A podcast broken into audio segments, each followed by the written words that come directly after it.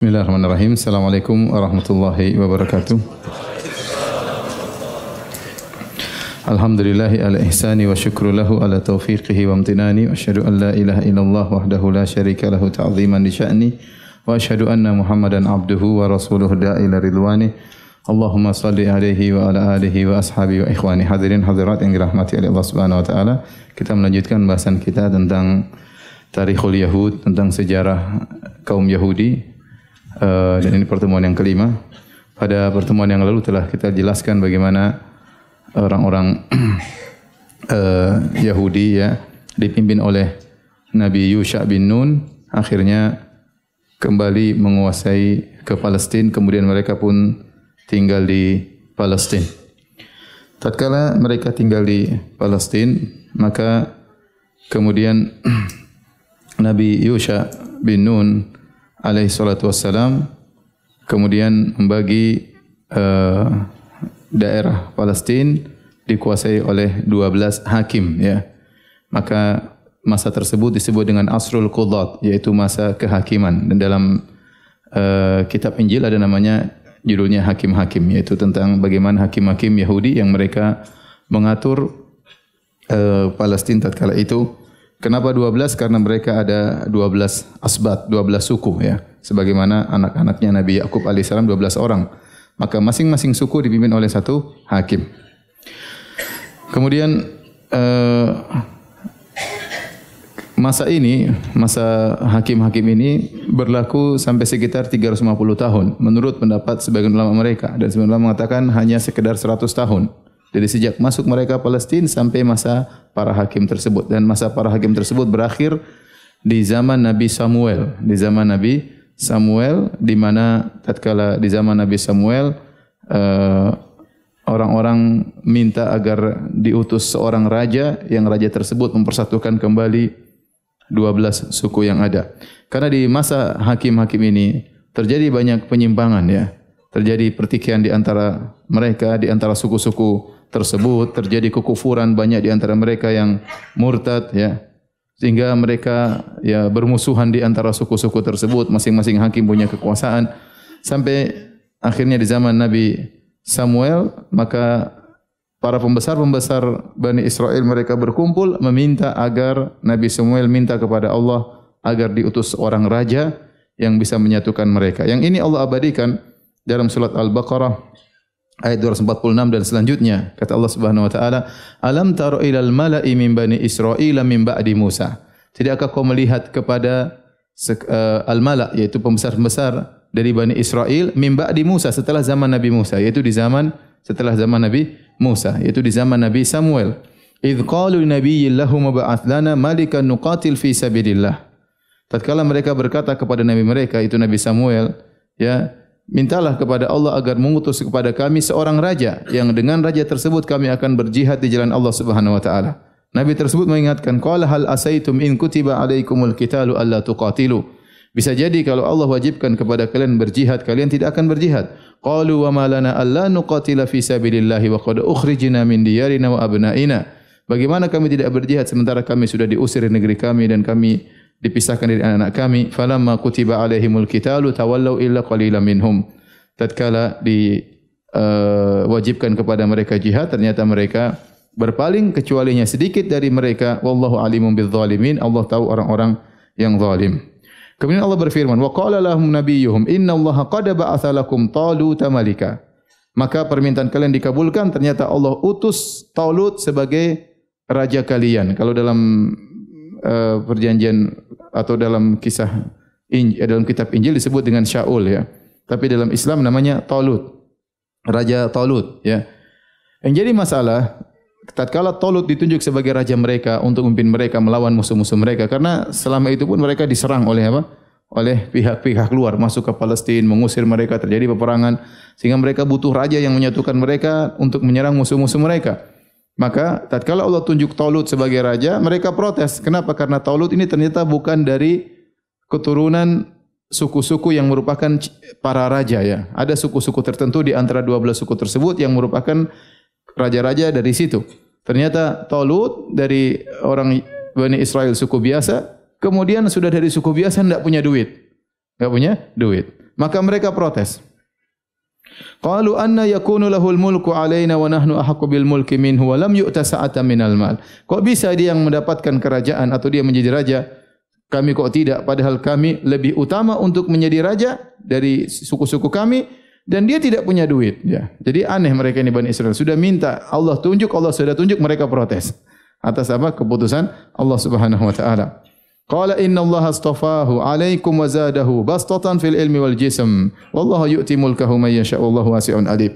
Maka Nabi tersebut berkata sungguhnya Allah telah memilihnya untuk menjadi raja kalian dan Allah telah memberikan kelebihan kepada dia yang kalian tidak miliki yaitu bastatan fil ilmi wal jism. Dia orang yang berilmu dan dia tubuhnya kuat dan Allah memberikan kerajaannya kepada siapa yang Allah kehendaki dan Allah Maha luas dan Maha berilmu. Akhirnya diangkatlah Talut atau istilah mereka Shaul sebagai uh, raja Bani Israel. Maka berubahlah dari Asrul Qudat dari masa hakim-hakim menjadi sejarah baru disebut dengan masa para raja.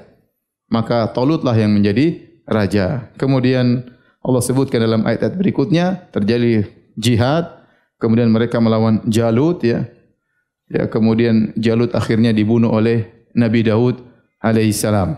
Setelah Talut menjadi raja, kemudian kerajaan dipindahkan dari Talut kepada Daud alaihissalam. Karena Daud alaihissalam hebat dalam uh, melawan musuh-musuh Allah subhanahu wa ta'ala.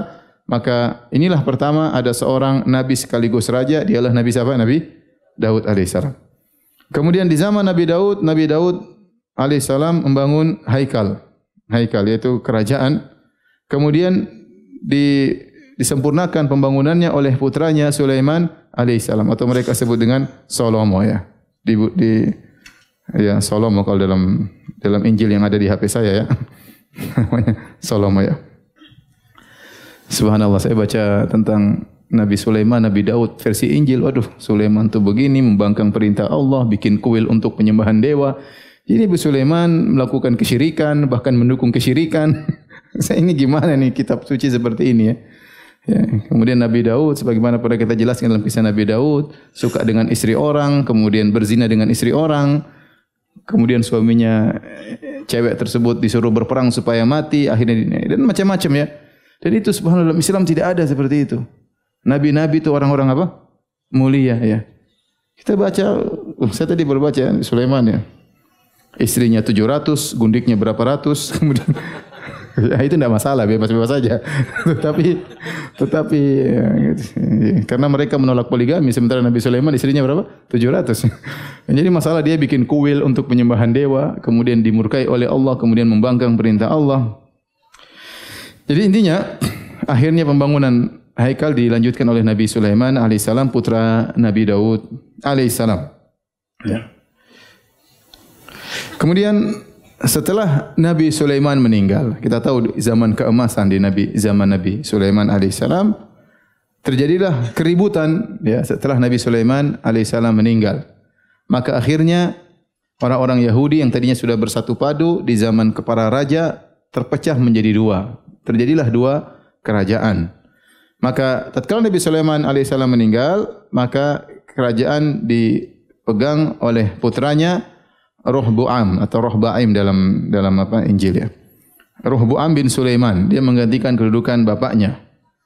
Dan orang-orang ternyata sebagian besar tidak mau membaiat, tidak mau mengangkat Roh Bu'am. Mereka mengatakan kalau kau mau jadi raja, maka peraturan harus dilonggar, jangan diketatkan. Karena bapakmu dulu terlalu ketat. Siapa Sulaiman alaihissalam terlalu apa? Tasyaddud, terlalu ketat dalam peraturan-peraturan. Kalau kau mau peraturan dikurangi, kami akan angkat engkau menjadi raja. Akhirnya Roh Buam tidak mau tetap bertahan dengan ajaran bapaknya. Akhirnya mayoritas Yahudi dari 10 suku semuanya meninggalkan Roh Buam, kemudian mereka membaiat eh, yang lain yang namanya uh, Yurbuam, Yurbuam bin Nubat.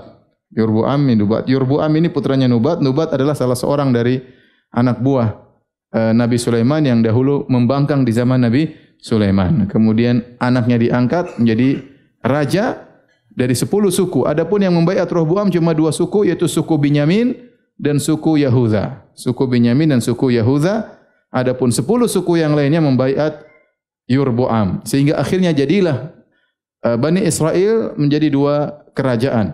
Kerajaan pertama disebut dengan Mamlakat Israel yaitu kerajaan Israel atau kerajaan utara ya yang dipimpin oleh Yurbuam bersama 10 suku. Kerajaan kedua yang berada di selatan Palestina disebut dengan Mamlakat Yahuda, kerajaan Yahuda ya yaitu yang ibu kotanya Yerusalem. Di zaman perpecahan ini yang disebut dengan Asra Inkisam, ya terpecahnya uh, Yahudi menjadi dua dua kerajaan, maka terjadilah banyak kekacauan, terjadi kekufuran, terjadi murtad juga, ribut perangan saudara di antara di antara mereka, belum lagi memerangi musuh-musuh yang datang ingin melawan mereka, jadi perang konflik dalam negeri dan konflik apa? luar negeri ya. Dan demikian kondisi Yahudi tatkala itu sampai akhirnya datanglah uh, Ashuri Ashuri dari Irak kemudian datang ya disebut uh, Raja Sar Sarjun ya Sarjun II kemudian dia pun pada tahun 722 sebelum Masehi dia pun datang akhirnya dia menyerang Palestina dan akhirnya berhasil menguasai kerajaan utara Palestina yaitu ya, kerajaan Yorboam di zaman itu pula kemudian Taurat hilang bertahun-tahun entah ke mana ya karena mereka tidak ada yang hafal apa Taurat. Jadi disimpan Taurat ternyata Taurat diserang entah Taurat ke mana entah hilang ya. Kemudian dihancurkanlah kerajaan Israel bagian utara. Tinggal kerajaan Yahuda, ya, kerajaan Yahudi ya bahasa Arab apa namanya? Asalnya Yahuda tapi kemudian berubah menjadi apa? Yahudi ya. Kerajaan Yahudi yang masih ada di sebelah selatan masih tetap tegak tetapi sulit ya. Akhirnya diperangi juga dari pihak-pihak luar ya. Sampai akhirnya datanglah seorang namanya Bukhtanassar. Bukhtanassar yaitu dari Babil. Babil itu di Irak ya. Babil itu di di Irak atau kalau bahasa Inggrisnya Nebuk apa? Nezar ya. Apa? Nebukat Nezar ya. Kalau bahasa Arabnya Bukhtanassar. Bukhtanassar. Maka dia dari Babylon ya atau kalau bahasa Arab Babil ya. Jadi Irak. Ya, dia menggantikan Asyuriyin ya. Kemudian dia merebut kerajaan Asyuriyin di Irak, kemudian datang ke Palestina, kemudian dia pun menyerang kerajaan uh, Yahudi yang sebelah selatan atau kerajaan yang membaiat Rohbuam. Akhirnya Yahudi pun dikuasai. Setelah dikuasai, kemudian mereka mengambil Bani Israel sebagai budak-budak mereka kemudian diasingkan ke daerah Babil ya. Maka masa-masa ini disebut dengan Asr Sabi Al-Babili yaitu masa uh, perbudakan Babylon ya, Babilonia, masa perbudakan Babilonia di mana orang-orang Babilonia mengambil orang-orang Yahudi kemudian diperbudak di Irak. Dan di zaman itu pula terjadi penghancuran Haikal Sulaiman yang pertama kali dihancurkan oleh Bukhtanassar. Dihancurkan oleh Bukhtanassar pada tahun 500 86 sebelum Masehi. Ingat ya, sebelum Masehi bukan sebelum hijrah ya. sebelum Masehi ya. Sebelum Nabi Isa lahir. Alaihi salam. Akhirnya hancurlah seluruh kerajaan Yahudi yang utara sudah hancur sebelumnya, yang selatan kemudian hancur. Akhirnya mereka tinggal di masa pengungsian, di masa perbudakan di Babilonia di Irak dalam waktu yang sangat panjang. Dan pada tahun 539 sebelum Masehi, ya, Babilonia dikuasai oleh Persia. Akhirnya kerajaan Babilonia diambil oleh Persia.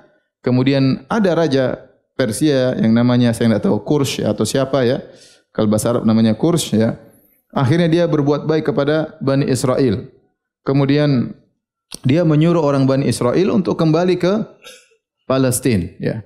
Sebagian mereka tetap bertahan di Babil di Irak, sebagian mereka kemudian pulang ke Palestina. Disebutkan jumlah mereka yang balik ke, ke Palestin sekitar 50 ribu Yahudi. Di bawah pimpinan Uzra atau Uzair kalau istilah kita. Uzair sama Nehemia ya. Nehemia. Dua orang soleh ini kemudian membawa uh, Bani Israel balik ke Palestin Uzra Uzra ini atau Uzair inilah yang diyakini oleh orang-orang Yahudi tatkala uh, Taurat hilang, dia yang menghafal Taurat dengan pengilhaman pengilhaman dari Allah Subhanahu wa taala kemudian dia mendikte Taurat kepada Bani Israel.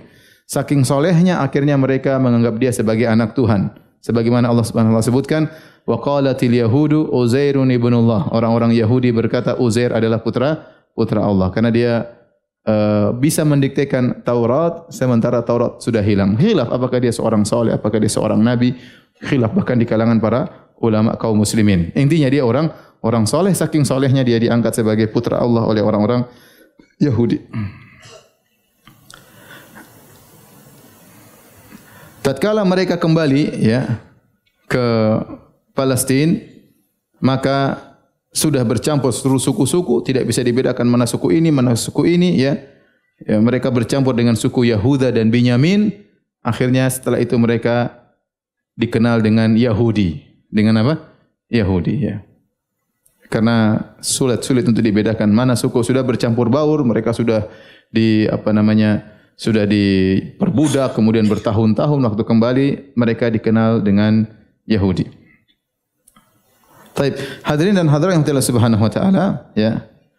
Uh, kemudian mereka pun tinggal di Palestina di bawah kepemimpinan kerajaan Persia ya, karena kerajaan Persia menguasai apa? Babylon, mengalahkan eh, kerajaan Bakhtanasar. Kemudian setelah itu Persia kemudian dikalahkan, dikuasai oleh Eh, seorang raja Yunani yang bernama Alexander siapa? Al-Iskandar Al-Makedoni. Kalau bahasa Arabnya Al-Iskandar, tapi kalau bahasa Inggris kayaknya Alexander ya. Alexander apa? Makedonia ya, dari Yunani. Kemudian menguasai mereka. Setelah itu terjadi pergolakan mereka dikuasai oleh Al-Batalisah dari orang-orang Mesir menguasai Palestin. Ya. Kemudian setelah itu uh, Romawi menguasai Palestin sampai pada sekitar tahun 63 sebelum Masehi. 63 sebelum Masehi. Jadi mereka bolak-balik dikuasai oleh raja-raja yang lain dari dari Persia, eh, dari pertama Babil, Babili yaitu Bakhtanasar, kemudian Persia, kemudian eh, setelah itu Yunani, kemudian setelah itu Mesir, kemudian terakhir Romawi. Romawi menguasai Palestin. Di zaman itulah lahir Nabi yang mulia Isa alaihissalam. Isa alaihissalam lahir di masa kekuasaan Romawi. Ya. Tatkala Nabi Isa lahir, kemudian dia memperbaiki kondisi Yahudi yang banyak melakukan kesyirikan, akhlak buruk, maka Nabi Isa alaihissalam mengajari mereka akidah yang benar dan memperbaiki akhlak yang mereka yang rusak. Rupanya orang-orang Yahudi tidak terima tentang dakwah Nabi Isa alaihissalam. Mereka berharap Nabi yang turun terakhir adalah atau diutus oleh Allah adalah nabi yang jagoan seperti Nabi Daud alaihissalam yang bisa menggulingkan Romawi itu harapan mereka. Ternyata Nabi Isa tidak demikian. Nabi Isa diutus di zaman kekuasaan Romawi dan Nabi Isa tidak melawan imperator yang ada, bahkan Nabi Isa mendakwahkan tauhid tatkala itu untuk memperbaiki kondisi Bani Israel yang ada ya. Dan Allah tidak mewajibkan Nabi Isa untuk berperang melawan apa? Romawi karena secara kekuatan tidak mungkin dan Allah menurunkan ajaran yang yang realistis, yang yang logis. Tidak mungkin Nabi Isa yang dalam kondisi demikian kemudian menyerang Romawi. Maka Nabi Isa waktu itu oleh Allah konsentrasi untuk memperbaiki akidah orang-orang Yahudi. Dari sini orang Yahudi tidak terima dan kebiasaan mereka adalah waqatlahumul anbiya di antara akhlak orang-orang Yahudi adalah hobi membunuh Nabi. Ya. Kalau ada Nabi, Nabi datang tidak sesuai dengan uh, dengan apa mood mereka, Nabi tersebut di dibunuh. Termasuk yang mereka usaha untuk membunuhnya adalah Nabi Isa alaihissalam. Sehingga mereka bekerja dengan Roma, bekerja sama dengan Romawi, menunjukkan di mana Nabi Isa, Nabi Isa ditangkap, menurut mereka disalib. Ya. Orang Yahudi menyangka Nabi Isa di disalib dan mereka menyangka mereka telah berhasil membunuh Nabi Isa dan itu juga persangkaan orang-orang Nasara. Tapi Allah bantah kata Allah, "Ma qataluhu wa ma salabuhu walakin syubbiha lahum." Mereka tidak pernah membunuh Nabi Isa dan mereka tidak pernah menyalib Nabi Isa, tetapi ada orang yang diserupakan dengan Nabi Isa. Kata Allah, "Barrafa'ahu Allahu ilaihi." Tapi Allah selamatkan Nabi Isa, Allah angkat Nabi Isa alaihi salam. Tapi intinya mereka punya andil kerjasama dengan orang Romawi untuk membunuh siapa?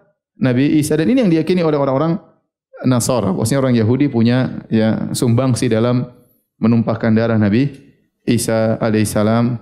Tapi itu yang mereka inginkan. Kalau Nabi Isa tidak disalib maka uh, tidak ada dosa yang ditebus. Untuk menebus dosa dia harus mana di disalib. Harusnya orang Nasrani berterima kasih kepada orang Yahudi yang berhasil menangkap Nabi Isa untuk menebus apa dosa mereka. Kalau tidak dosa mereka tidak bisa ditebus oleh Nabi Isa alaihissalam.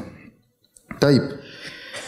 Uh, kemudian uh, Nabi Isa diangkat oleh Allah Subhanahu wa taala kemudian semakin kacau kondisi uh, Yahudi ya.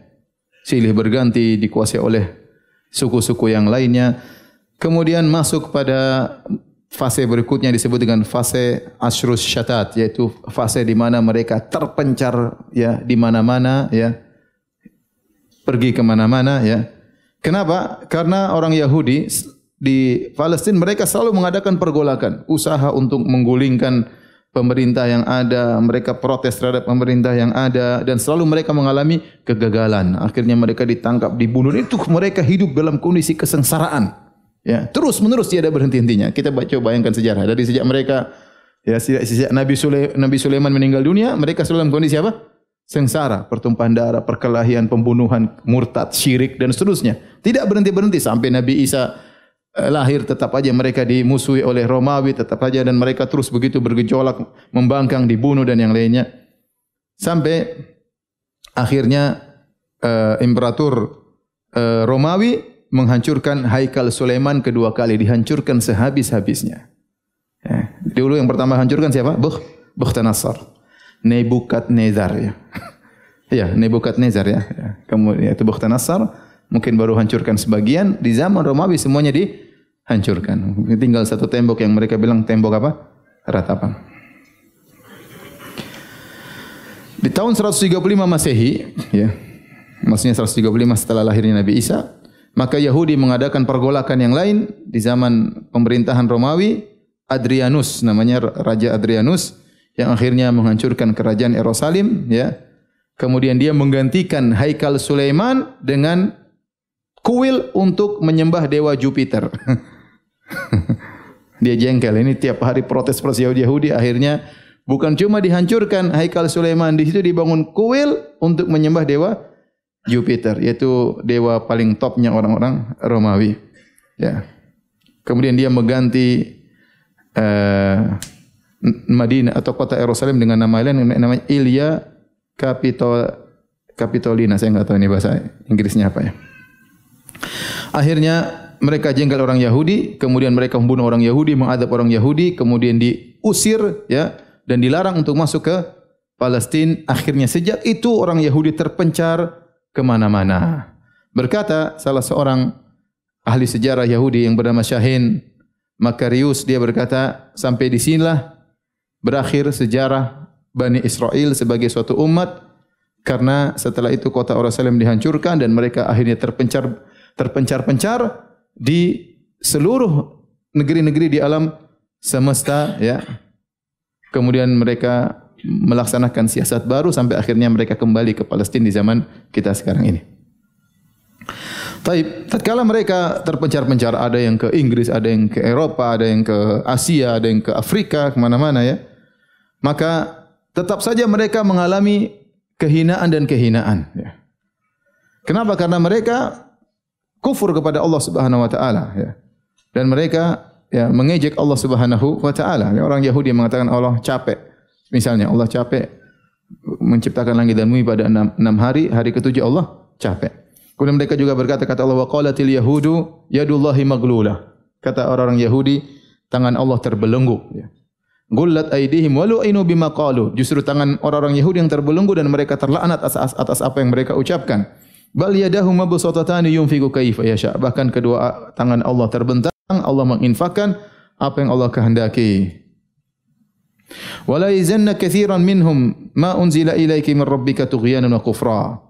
Ya, maka akan bertambah pada diri mereka ya pembangkangan dan kekufuran wa alqaina bainahumul adawat wal baghdha dan kami tumbuhkan di antara mereka kebencian kemudian permusuhan di antara mereka ila yaumil qiyamah sampai hari kiamat kata Allah Subhanahu wa taala. Dan itulah kondisi orang-orang Yahudi. Allah juga berfirman, "Wa idz ta'adzana rabbuka la yab'atsanna 'alaihim ila yaumil qiyamati ma yasumuhum su'al adzab. Inna rabbaka la sari' liqabi wa innahu laghafurur rahim." Tatkala Allah mengumumkan bahwasanya Allah akan mengutus kepada mereka sampai hari kiamat orang yang akan merasakan mereka azab yang pedih. Jadi Yahudi tidak berhenti di azab, disiksa terus demikian ya. Sampai akhirnya mereka di zaman Nabi SAW mereka juga berkhianat dan diusir oleh Nabi SAW sebagian mereka diperangi sebagian mereka dibunuh baik suku Bani Qainuqa, kemudian dilanjut dengan suku Bani Nadir, kemudian dilanjut dengan suku Bani Quraidah, kemudian Nabi perangi mereka di Khaybar, akhirnya mereka dikeluarkan dari jazirah Arab di zaman Umar, di zaman Umar bin Khattab radhiyallahu taala anhu dan demikian nasib mereka di mana-mana. Allah sebutkan juga dalam surat Al-Isra, kata Allah Subhanahu wa taala, "Wa qadayna ila bani Israila fil kitab la tufsiduna fil ardi marratain wa la ta'lunna 'uluwan kabira." Kata Allah dan kami telah memutuskan kepada Bani Israel di Alkitab yaitu di Lauhil Mahfuz bahwasanya mereka benar-benar akan melakukan kerusakan di atas muka bumi. Dua kali mereka melakukan kerusakan yang besar atau berulang-ulang mereka melakukan kerusakan yang besar. Wala ta'lunna uluwan kabira dan kalian benar-benar akan sombong orang Yahudi. Mereka sombong ya.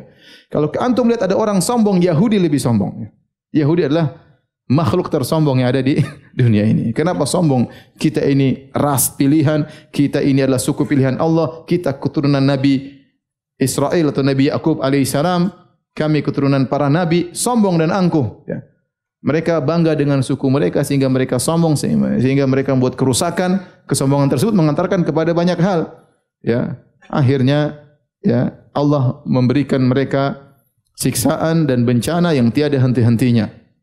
Kata Allah Subhanahu wa taala, "Fa idza jaa jaa wa'du ulahuma ba'athna 'alaikum ibadan lana uli ba'sin shadidin fajasu khilal ad-diyar wa kana wa'dan maf'ula." Kata Allah dan jika telah datang janji kami yang pertama kami akan kirim kepada mereka hamba-hamba kami yang memiliki kekuatan yang sangat kuat dan akan melakukan kerusakan di negeri mereka dan inilah janji Allah yang pasti terjadi. Kata para ulama sebagian ahli tafsir mengatakan maksudnya Bukhtanasar. Ya, Allah kirim mereka Bukhtanasar kafir, tapi Allah kirim Bukhtanasar untuk me memberi hukuman kepada mereka karena mereka sombong, angkuh, musyrik dan yang lainnya.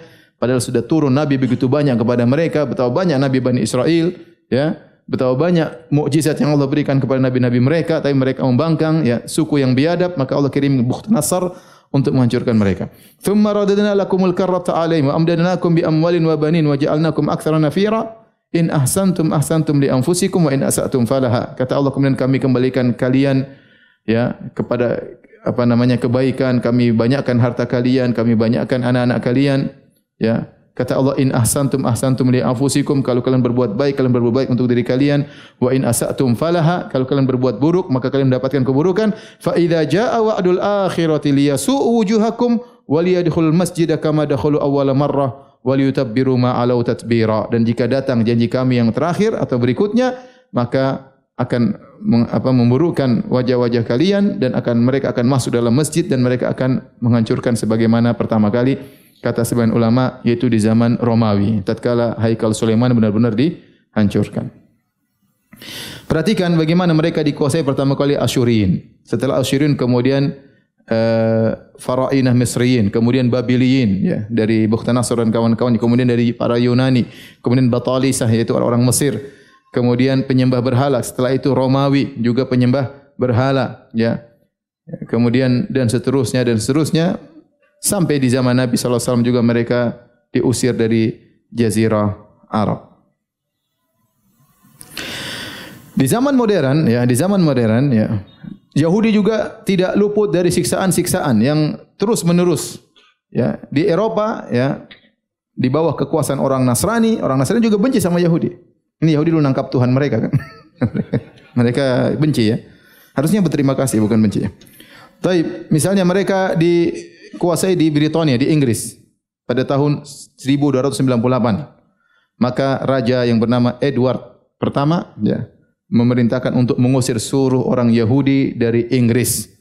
Kemudian mereka membunuh Yahudi banyak sekali ini pada tahun 1298 di Perancis ya di orang Yahudi diperbudak dikuasai oleh raja Louis ke-9. Saya enggak tahu bin siapa ya. Akhirnya ya pada tahun 1321 orang-orang Perancis kemudian menyiksa mereka, mengusir mereka ya. Kemudian pada tahun 1982 mereka diusir kedua kali dari Perancis. Di Italia mereka dimusuhi oleh paus-paus apa? pendeta-pendeta uh, Katolik ya. Ya dengan memusuhi dengan permusuhan yang luar biasa ya. Kemudian akhirnya tahun 1540 orang-orang Itali jengkel kepada mereka, akhirnya mereka dibunuh Yahudi, kemudian diusir dari Italia. Kemudian juga di Rusia terjadi pembantaian luar biasa di zaman uh, Hakim Kaisar Nasrani ya di zaman tersebut pada tahun 1851, kemudian 1852, kemudian 1902 di mana ribuan Yahudi dibunuh di Rusia. Di Jerman, ya. Siapa tahu siapa yang bunuh? Adolf Hitler. Nah, itu sampai bukan cuma di Jerman saja, sampai dia berkeliling ke Eropa, termasuk waktu saya ke Amsterdam, mereka cerita datang ke Amsterdam, Yahudi Amsterdam dikumpulin dibawa ke Jerman untuk dibantai. Dibantai oleh siapa? Adolf Hitler. Jadi di mana-mana mereka dibantai. Sejak Nabi Sulaiman meninggal dunia. Terus sampai saya lama dari sebelum Masehi sampai 1900 sekian. Ya. Berarti berapa tahun itu? Hampir 2000 tahun. Tidak berhenti-berhenti terus demikian demikian demikian. Ya. Dan nanti hari kiamat mereka akan dibantai oleh orang Islam. Bukan dalam hadis sekarang mereka berkuasa hari kiamat mereka dibantai oleh orang Islam sebagaimana datang dalam hadis nanti orang-orang Islam akan melawan orang Yahudi sampai-sampai tidak ada batu, tidak ada pohon kecuali kalau ada Yahudi bersembunyi pasti pohon tersebut berbicara. Ya Muslim, ya Abdullah, kemarilah wahai Muslim di belakangku ada orang Yahudi. Habis dia ya. Sampai semua pohon batu semua berbicara kecuali pohon gorkot yang diam saja. Menang wae, tidak ngomong. Jadi Yahudi sembunyi dia tidak ngomong. Intinya mereka demikian nasib mereka seterusnya sampai hari kiamat. Kata Allah, "Man yasumuhum su'al azab." Allah akan utus orang yang akan menyiksa mereka sampai hari kiamat karena kurang ajarnya mereka, kufurnya mereka, syiriknya mereka, biadabnya mereka, sombong yang luar biasa yang mereka miliki. Tentang-tentang keturunan Nabi, sombongnya luar luar biasa. Hati-hati ikhwan jangan sombong. Sombong dengan suku, jangan sombong dengan warna kulit ya. Jangan sombong dengan model rambut sombong itu jelek ya. Baik. Bagaimana mereka bisa berkumpul kembali di Palestina di zaman sekarang ini ya? Disebutkan yang pertama kali tatkala mereka sudah terpencar-pencar di sisa di mana-mana, yang pertama kali mengajak orang Yahudi karena mereka jumlahnya mereka berkembang biak ya, beranak pinak di berbagai macam negeri. Kemudian pertama kali yang mengajak ada seorang namanya Sir Henry Finch, seorang Inggris. Ya. Pada tahun 1616 dia menulis buku judulnya Nidaul Yahud, panggilan kepada orang-orang Yahudi. Usaha-usaha untuk mengembalikan orang Yahudi berkumpul kembali. Kemudian setelah itu muncul namanya Jenderal Napoleon Bonaparte, ya, seorang Perancis.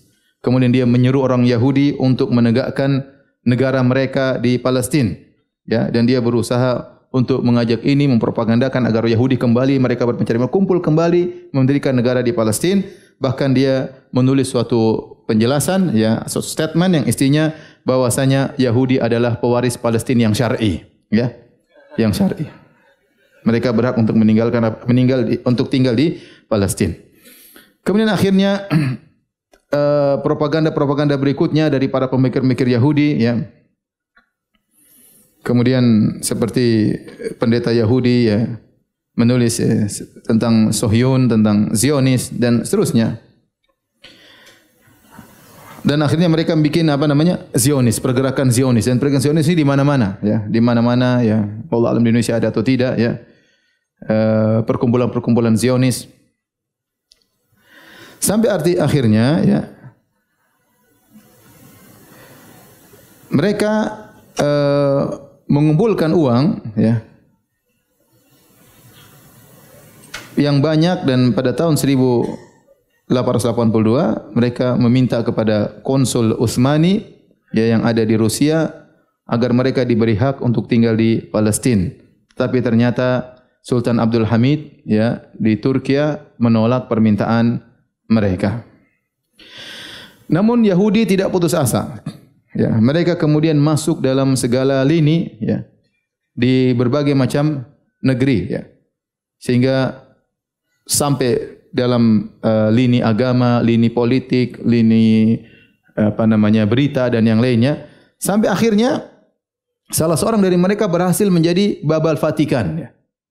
Babal Vatikan adalah tokoh agama tertinggi bagi Katolik ya di Vatikan ya. Yang disebutkan bahwanya salah satu dari baba atau paus Vatikan tersebut ternyata ditelusuri dia bersuku ya apa? Yahudi, bersuku Yahudi.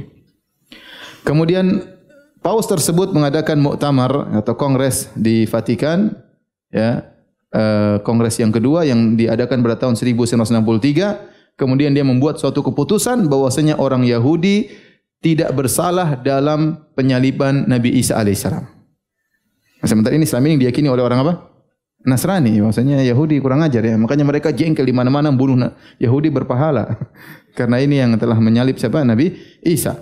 Tapi dengan tahun 1193, Paus ini membuat uh, kongres dan keputusan bahwasanya orang Yahudi tidak punya dosa dalam terbunuhnya Nabi Isa. Kemudian Paulus yang keenam ya, pada tahun 26 Oktober 1965 ada kongres juga ya. Dia dia menguatkan keputusan tersebut bahwasanya Yahudi terlepas dari tuduhan orang Nasrani bahwasanya Yahudi punya andil dalam menangkap Nabi Isa. Ini dari sisi agama mereka berhasil sampai naik ke puncak. Ya. Ini tidak mudah ya. Kemudian pelan-pelan akhirnya menjadi bahkan menjadi Vatikan, Baba Vatikan. Kemudian masalah duit mereka juga kuasai sampai disebut ada keluarganya namanya keluarga Rothschild. Saya enggak tahu nanti cari di di Google ya. Keluarga Rothschild itu bankir-bankir yang ada di zaman tersebut di Eropa. Punya bank-bank di Inggris, di mana-mana di dunia ini dia yang menguasai keuangan. Dan dialah yang mem membiayai pergerakan uh, Zionis di dunia ini di mana-mana. Adapun masalah pemberitaan, maka Yahudi punya kantor berita namanya Reuters ya. Cari juga di Google, saya enggak tahu ya. ini saya cuma baca ini dalam bahasa Arab ya. Saya sudah cek tadi memang ada ya. Jadi dia menguasai berita-berita di zaman tersebut dan ini pembentukan opini ya dan ini sangat penting menguasai keuangan, menguasai apa? E, berita dan bahkan agama juga sampai nyambung ke jadi baba Vatikan. Dan terus dalam masalah politik juga mereka ikut campur saya mereka menjadi pembesar-pembesar di Amerika di mana-mana ya negara-negara Eropa. Sampai sekarang seperti contoh di Amsterdam wali kotanya Yahudi. Wali kotanya apa? Yahudi. Padahal beberapa puluh tahun yang lalu Yahudi dibantai di situ. Sekarang jadi wali kota apa? Amsterdam. Jadi mereka mampu untuk masuk dalam uh, berbagai macam lini. Akhirnya pada tahun 1896 ada seorang wartawan yang bernama Theodor Herzl. Ya. Ya dia menulis buku judulnya Daulah Yahudiyah, Negara Yahudi. Kemudian dia mengajak mengadakan kongres di Swiss, di Swiss pada tahun 1897 dan dihadiri oleh pembesar-pembesar Yahudi, tokoh-tokoh alim ulama mereka ya dan mereka memilih Palestina sebagai negara mereka. Jadi mereka kongres kita harus punya negara. Kita terpencar di mana-mana, suku Yahudi di mana-mana. Kita harus punya bikin negara. Akhirnya mereka memilih Palestina sebagai negara mereka. Kemudian Theodor Herzl ini membuat semacam uh, kumpulan mengumpulkan duit yang banyak ya untuk membeli tanah-tanah di Palestina. Maka dia kumpulkan uang yang banyak. Kemudian dia pun datang kepada Sultan Abdul Hamid yang ada di Turki ya, mau kasih sogoan, rishwah ya. Awat hati-hati ketangkap KPK. dia kasih rishwah uang yang banyak agar Yahudi diizinkan untuk berhijrah atau pindah ke Palestina. Tetapi Sultan Abdul Hamid ya, apa namanya di, di Khilafah Utsmaniyah menolak tawaran tersebut. Kemudian pada tahun 1909 Masehi maka uh, Zionis ya berhasil masuk di Turki kemudian membuat pergerakan-pergerakan sehingga akhirnya terjadi pemberontakan atau akhirnya pelengseran dimakzulkan siapa Sultan Abdul Hamid dengan seorang tokoh yang namanya Kamal Mustafa Kamal Ataturk. Ya, Mustafa Kamal Ataturk ya. Kemudian Abdul Hamid cuma dilengserkan jadikan sekedar simbol khilafah dihentikan selesai. Kemudian berakhirlah khilafah Utsmaniyah.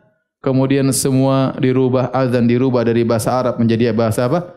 Turki. Assalamualaikum dirubah jadi bahasa yang yang lain. Perempuan dilarang berjibab semua kacau balau ya di zaman Mustafa Kamal Ataturk di situ masuklah sekuler dalam Turki ya Sehingga wajar kalau mereka sekarang banyak yang tidak solat di Turki dan antum kalau ke sana antum bisa tanya ya bahwasanya banyak di antara mereka masih yang tidak apa? Tidak solat karena pengaruh dari Kemal Ataturk yang luar luar biasa. Sekarang mungkin mereka mulai mengadakan perbaikan tetapi pengaruh Kemal Ataturk luar luar biasa ya. Kemudian pada tahun 1917 ya Menteri Luar Negeri namanya Balfour, Menteri Luar Negeri Inggris akhirnya ya memberi izin kepada Yahudi untuk tinggal di Palestina. Dan subhanallah, sebagian orang-orang Islam yang lemah iman yang tinggal di Palestina, ya, tanahnya dibeli orang Yahudi dengan harga yang mahal, mereka jual. Sebagian orang Palestina yang ya mungkin kebutuhan karena yang lainnya. Akhirnya orang Yahudi beli tanah dengan harga yang mahal, mereka apa? Mereka jual. Sebagian sudah, dipaksa untuk dikuasai, sebagian mereka juga menjual kepada Yahudi dan akhirnya Yahudi semakin berkuasa di Palestina. Sampai akhirnya intinya uh, Amerika pada tahun 1947 mengeluarkan keputusan bahwasanya Palestina dibagi dua untuk kaum muslimin dan untuk apa? Yahudi ya. Akhirnya pada tahun uh, 1948 tegaklah kerajaan Israel di di mana? Di Palestina. Dan demikianlah kenapa Yahudi sampai ke Palestina.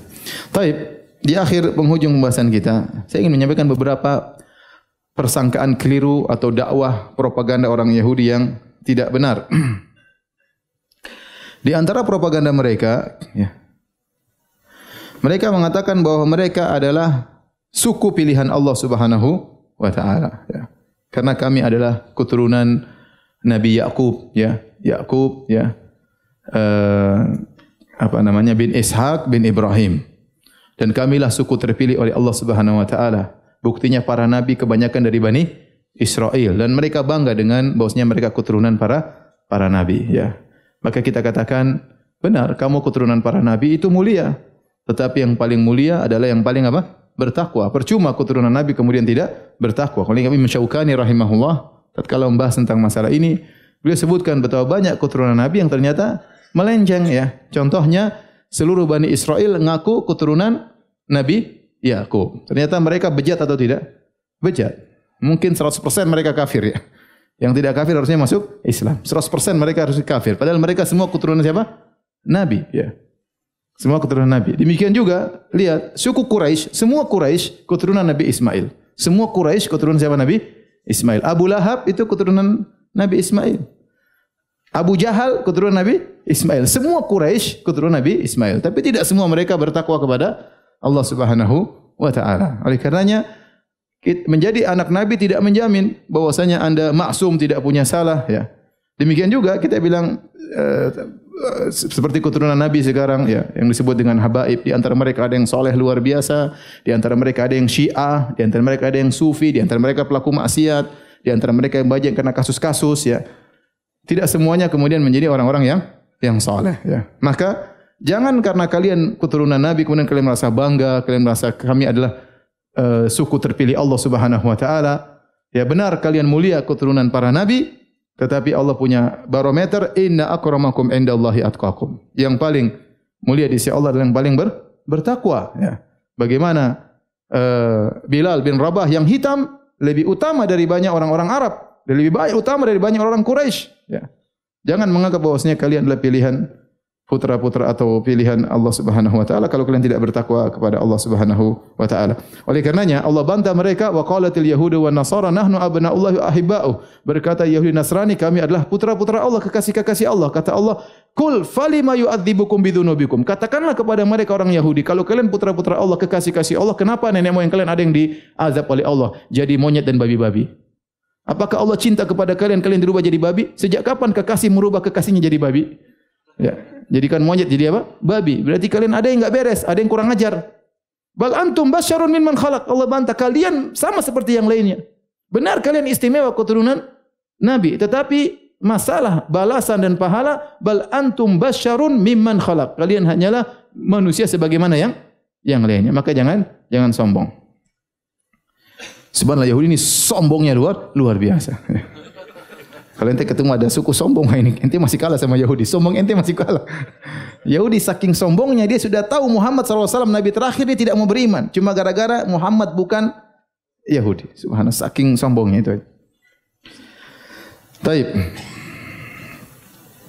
Jadi di atas kesombongan masih ada kesombongan yang lain. Ente jangan sombong, ente paling sombong. Ente masih kurang sombong, masih ada yang lebih apa? Sombong. Kadang sebagian kita sombong, saya suku ini sombong. Eh, ente masih kurang sombong. Nanti kalau ketemu orang Eropa, ente dihina-hina sama orang Eropa. Orang Eropa sombong ketemu Yahudi lebih parah lagi. Yahudi super sombong. Jadi uh, tidak benar bahwasanya mereka uh, adalah pilihan-pilihan Allah. Kalau mereka pilihan Allah, kenapa mereka ada yang dirubah menjadi babi-babi dan monyet-monyet? Kemudian di antara propaganda mereka, mereka mengatakan bahwasanya kami bisa menjaga suku kami. Suku kami tetap terpelihara rasnya, ya, terpelihara rasnya. Seperti kita kawan-kawan kita dari Arab, mereka bisa menjaga suku mereka. Bin-binnya bisa ketahuan. Uh, mereka mengatakan kami juga demikian. Kami bisa menjaga ras Yahudi. Apa maksud mereka di balik propaganda ini? Mereka ingin menyatakan bahwasanya kami ras Yahudi yang berhak menguasai apa? Palestina dan kami bisa menjaga ras ras kami. Dan ini tidak benar, ya, tidak benar. Karena secara pandangan singkat saja kalau kita lihat bentuk orang-orang Yahudi, mereka bentuknya macam-macam. Ada Yahudi black, ada Yahudi apa? White, ada Yahudi pirang, ada Yahudi uh, sipit, ada Yahudi macam-macam. Gimana kemudian kamu bilang kamu bisa menjaga ras kamu sementara bentuk kalian beda-beda?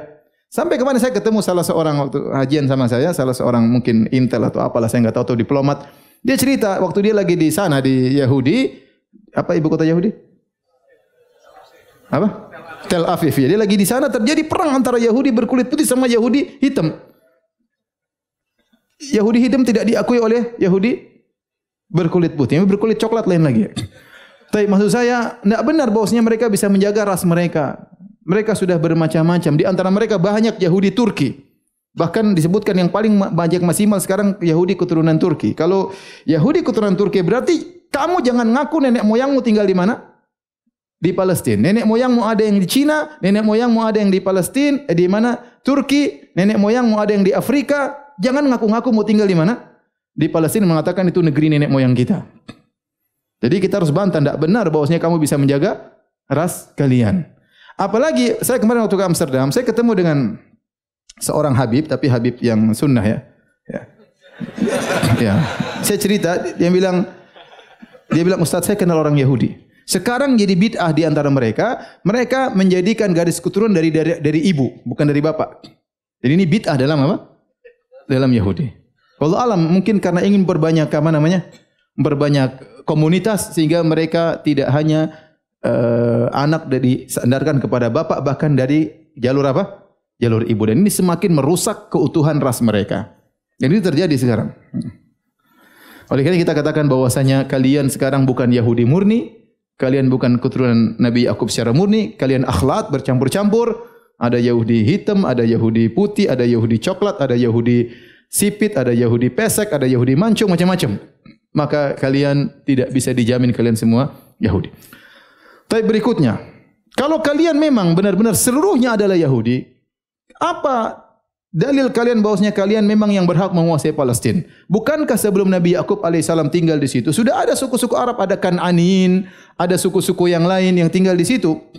Yang mungkin sudah ribuan tahun sebelum Nabi Yakub tinggal ke Palestina. Bukankah Nabi Ibrahim asalnya bukan tinggal di Palestina? Nabi Ibrahim dari Babil. Nabi Ibrahim dulu dakwanya di mana? Di, Babil. Kemudian punya anak Ishak. Jadi nenek moyang Nabi Ibrahim AS bukan di Palestina. Di Palestina sudah ada suku-suku yang yang lain sebelum datang Nabi Yakub. Dan Nabi Yakub tinggal situ berapa lama sih? Tidak lama. Taruhlah Ishak, kemudian Yakub. Taruhlah 300 tahun. Mereka bilang 300 tahun kita tinggal sana. Tapi apakah 300 tahun menjadikan kalian daerah semuanya milik kalian? Tidak. Ya. Ya, akhi, di sini kalau ada orang misalnya orang orang Palembang tinggal di Jakarta, 500 tahun tidak bisa mengatakan mereka menguasai daerah Jakarta. Ada orang Betawi sebelumnya.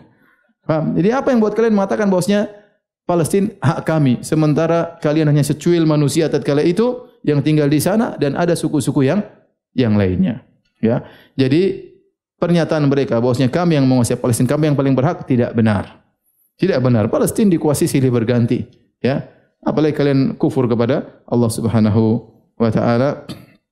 Inilah yang bisa saya sampaikan pada kesempatan kali ini ya tentang suku Yahudi maka berhati-hatilah karena mereka adalah musuh yang sesungguhnya. Allah Nabi SAW sebutkan di akhir zaman musuh kita bukan suku-suku yang lain. Allah tidak berbicara tentang penganut agama yang lain. Yang Allah bicarakan adalah apa? Yahudi. Menunjukkan mereka akan eksis. Mereka akan eksis sampai hari kiamat. Dan kaum muslimin yang akan membantai mereka. Wallahu taala alam bisawab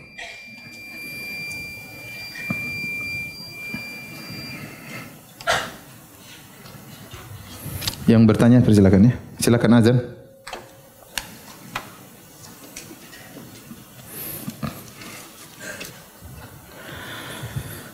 Ustaz, mana yang lebih utama yang harus dipelajari fikih muqaran perbandingan madhab atau fikih madhab? Yang lebih baik seorang belajar fikih madhab terlebih dahulu ya. Jika dia uh, bisa belajar dengan baik ya. Kalau dia punya waktu yang panjang dia belajar fikih madhab baru kemudian dia belajar fikih perbandingan. Tapi kalau dia tidak punya waktu yang panjang, semangat untuk ilmunya terbatas, maka dia belajar fikih. Siapa saja yang ngajar, yang penting orang tersebut amanah. Kalau dia pun belajar fikih madhab, maka dia menyebutkan yang rojih menurut dia, tidak fanatik terhadap madhab tersebut. Ya, tidak ada masalah. Ulama-ulama kita juga mengajarkan madhab. Dan ulama-ulama salaf dulu mereka juga ber, bermadhab. Syekh Uthaymin bermadhab hambali, Syekh bin Bas bermadhab hambali, terutama orang Saudi bermadhab apa? Hambali. Ibn Taymiyah bermadhab hambali, Muhammad bin Wahab juga bermadhab hambali. Dan juga ada ulama-ulama bermadhab syafi'i, ada ulama sunnah bermadhab Malikiyah, Ibn Abi Zaid Al-Qayrawani oh, bermadhab Maliki. Jadi tidak mengapa, yang penting kalau antum punya semangat belajar, bagusnya memang madhab dulu. Setelah madhab, madhab apapun, apa-apa. Mau ambil madhab Hambali boleh, mengambil madhab Syafi'i boleh, atau yang lainnya. Kemudian baru kemudian belajar fikih perbandingan. Tetapi kebanyakan kita tidak punya semangat sampai seperti itu ya. Ya, ya baru fikih solat, fikih selanjutnya sudah tidak ada kajian lagi ya. Ana yakin antum enggak pernah sampai ke fikih poligami. Belum pernah sampai. fikih nikah saja antum enggak pernah apa? Tamat ya. Paling fikih salat, haji aja belum tentu ada yang belajar ya. Fikih zakat aja belum tentu apa? Tahu. Tapi intinya antum belajar ya. Belajar. Ada ustaz nyampaikan yang penting dengan dalil ya. Karena kita tidak dituntut untuk bermadhab. Yang penting kita dituntut untuk bisa uh, memahami pendalilan dengan baik dari madhab manapun. Ustaz kajian sirah ini kalau bisa menggunakan papan tulis karena ada banyak ada ada banyak nama-nama dan tahun-tahun kejadian yang terlalu cepat antum jelaskan. Tinggal putar ulang di YouTube gampang. Apakah sakaratul maut terasa sekalipun untuk orang beriman? Jangankan orang beriman. Nabi SAW merasakan sakaratul maut. Di sakaratul maut itu semacam Allah kasih ujian untuk meningkatkan derajat seseorang atau menggugurkan apa dosa-dosanya. Seperti sakit. Apakah orang beriman sakit? Sakit ya. Sama sakit menjelang kematian namanya sakaratul maut. Inna la ilaha illallah inna lil mauti la sakarat. Kata Nabi, la, tidak ada sembahan yang berhak disembah kecuali Allah. Sungguhnya daripada kematian ada sakarat. Ya. Tapi sakarat itu dialami oleh Nabi SAW. Dan Aisyah melihat hal tersebut. Meskipun di akhir hayat kemudian Nabi dengan tenang. Tapi sebelumnya Nabi mengalami apa?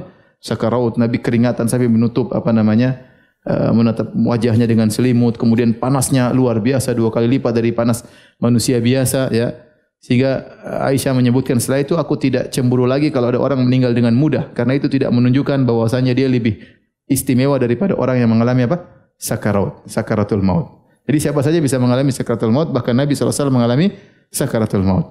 Ya itu adalah Eh, perkara semacam sakit atau ujian yang Allah berikan untuk meninggikan derajat atau mengurangi dosa-dosa. Yang penting kita berusaha tatkala sakratul maut kita tetap bisa mengucapkan apa la ilaha illallah. Dalam kesulitan kita bisa mengucapkan astagfirullah alhamdulillah berzikir itu yang penting. Tapi kalau mengalami kesakitan sampai teriak-teriak sampai tidak ingat kepada Allah itu musibah. Itu musibah. Ustaz, ibu bapak saya sering mengingatkan saya untuk solat, tapi mereka sendiri tidak solat. Bagaimana cara menasihatnya? Antum solat saja, enggak apa-apa. Ya, ya Bu, terima kasih nasihatnya Bu. Terima kasih Pak, saya solat atas bimbingan bapak. Gitu aja. Lama-lama antum, ayo Pak kita solat bareng Pak sesekali. Pelan orang tua terus dengan penuh kelembutan. Ya. Sabar ya. Mereka dulu tidak seperti kita ngaji. Dulu enggak ada ustaz-ustaz ngajar ngaji pengajian enggak ada. Antum sekarang mentang-mentang sudah ngaji ya. Jangan mentang-mentang sama orang tua. Mungkin mereka terlalu sibuk. Kalaupun ada pengajian, mereka tidak sempat ikut pengajian karena sibuk mencari apa? Nafkah. Sibuk ngurusin ente. Ya. Oleh karenanya, kalau antum sudah dapat hidayah, harus lemah lembut kepada orang tua.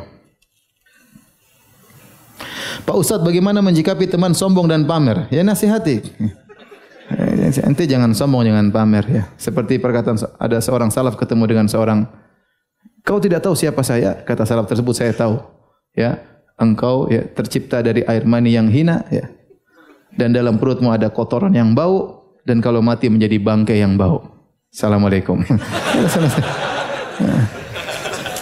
Mau sombong apa lagi ya? Ustaz pada dua pekan yang lalu anak solat berjamaah.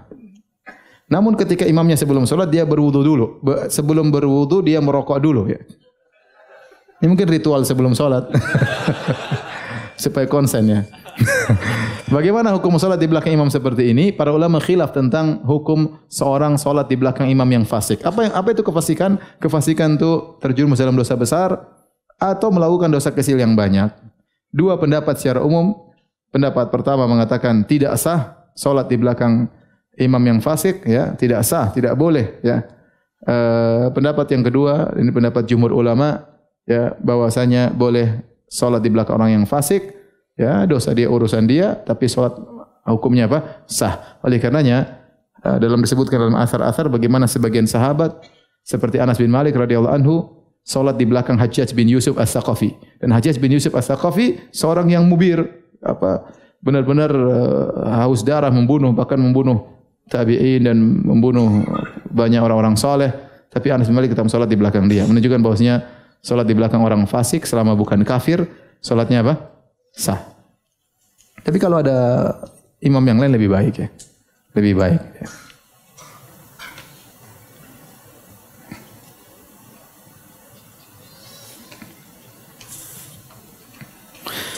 Ustaz, apakah orang Yahudi yang beriman kepada Taurat masuk surga?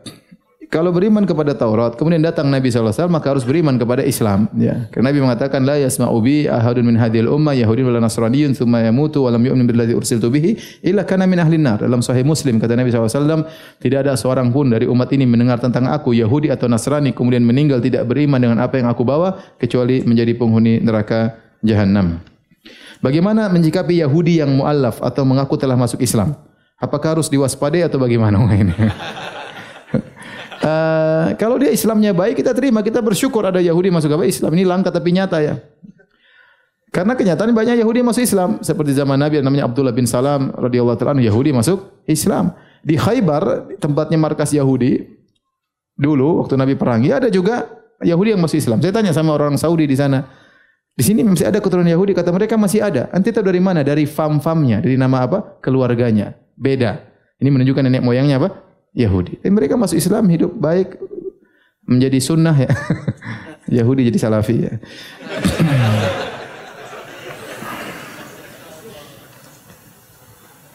Ustaz, salat sunnah ataupun salat wajib tentu kita ingin menyempurnakan sifat salat kita. Akan tapi terkadang kita menyempurnakan sujud sebagian kita terlalu maju sehingga tidak jarang tak sengaja menginjak kepala orang.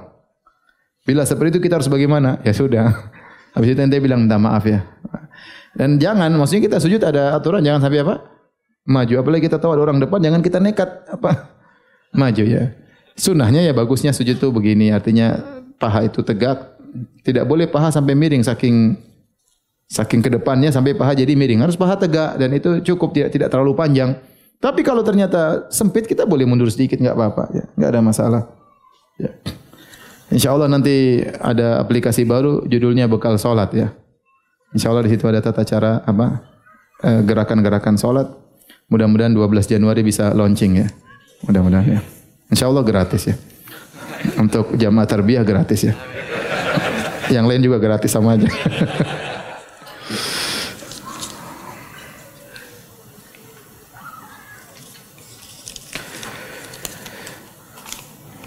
Baik, demikian saja kajian kita. Kurang lebihnya saya mohon maaf. Subhanakallah bihamdik. Asyadu ala rantik. Assalamualaikum warahmatullahi wabarakatuh. Assalamualaikum warahmatullahi wabarakatuh.